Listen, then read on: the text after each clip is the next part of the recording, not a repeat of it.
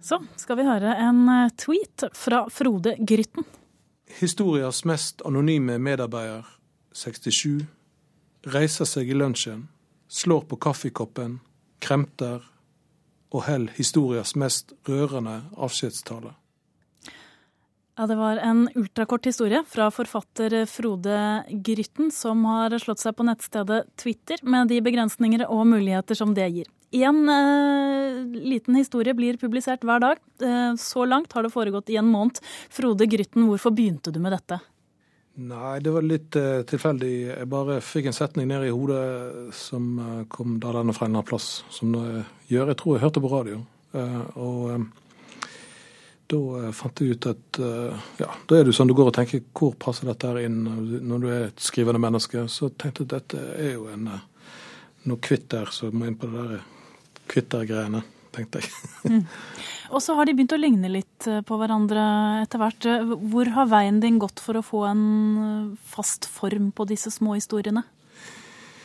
Ja, altså det er jo eh, begrenset med plass her, sånn at jeg må være forsiktig med hvordan jeg fargelegger folk. da, så Derfor så har de veldig knappe mm, betegnelser. Altså det er en mann, det er en kvinne, altså en alder. Eh, eh, alt dette, hva som skjer. Eh, så eh, du har 140 tegn på deg, men jeg prøver å få det til å se ut som det er 20 000 tegn. Det er det som er hemmeligheten med hvis en lykkes med disse. Du har alltid med et eh, menneske med en angitt eh, alder. Betyr det at det er det viktigste man har i en fortelling? Ja, for meg er det det. Eh, For meg er å skrive og skrive om folk, da. Eh, Sånn at det kan fortellingen gjøre, tenker jeg. At den kan få folk til å se, se de andre, se den andre personen. Eh, Så det er ikke poesi, dette. Det er mer, kanskje mer noveller der forholdet mellom folk er det som er, er det vesentlige. Har du noen forbilder i denne sjangeren her? Nei, egentlig ikke.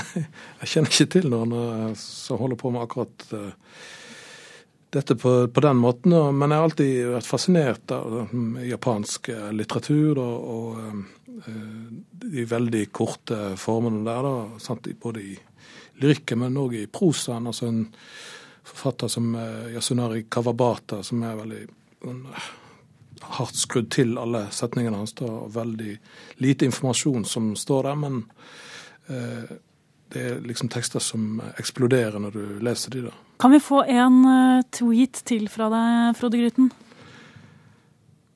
Papirtynne hotellvegger, lyden av par som elsker. Hun, 42, let som om hun har sovnet. Han, 42, let som om han leser. Begge lytter til veggene. Hvor lang tid eh, tar det for deg å velge ut eh, hva du skal ha med? Nei, altså det, dette gjør jeg jo fordi det er moro, ikke fordi at jeg må eller fordi at jeg skal tjene penger. Det er jo ikke noe penger å tjene på dette. Så derfor må det gå ganske fort. da. Eh, Jeg kan ikke bruke altfor mye tid på det. Så jeg eh, skriver en om morgenen, så lar jeg den hvile litt. eh, Og ser over den, og så sender jeg den fra meg. Tror du du da oppfører deg omtrent som en vanlig tvitrer, som ikke nødvendigvis er så poetisk anlagt? Aner ikke hvordan andre holder på med disse tingene, rett og slett. eh, Jeg må bare gjøre det på min måte, da. Du nevnte selv at uh, mikroformatet er populært, uh, særlig i, i Japan.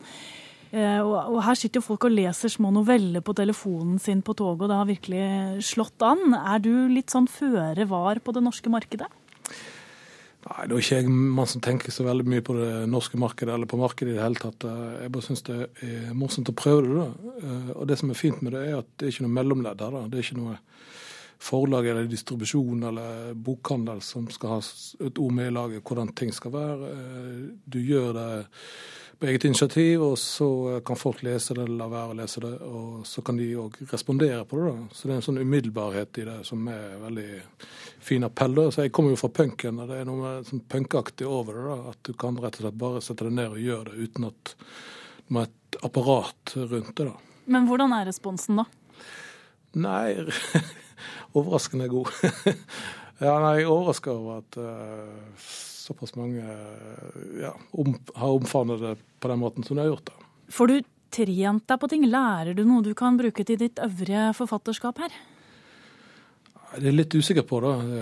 Fordi at uh, dette går så fort, og du må være konsentrert. Men det er jo en slags trening å bare gjøre det. For meg så er det veldig fint å gjøre det om morgenen, for da kommer jeg i gang med skriving. Da. Og da har jeg liksom produsert noe. Jeg trenger ikke liksom sitte og tenke at nå må jeg få til noe. Jeg har jo allerede gjort noe som, som finnes der ute. Så det er en måte å komme i gang med den øvrige skrivingen på òg. Er, er, formens begrensninger det som trigger deg? Ja, det er det. Det er som eh, jeg tror Det var vel Thomas Bernard som sa det at eh, forfattere er folk som har vanskeligere for å skrive enn andre.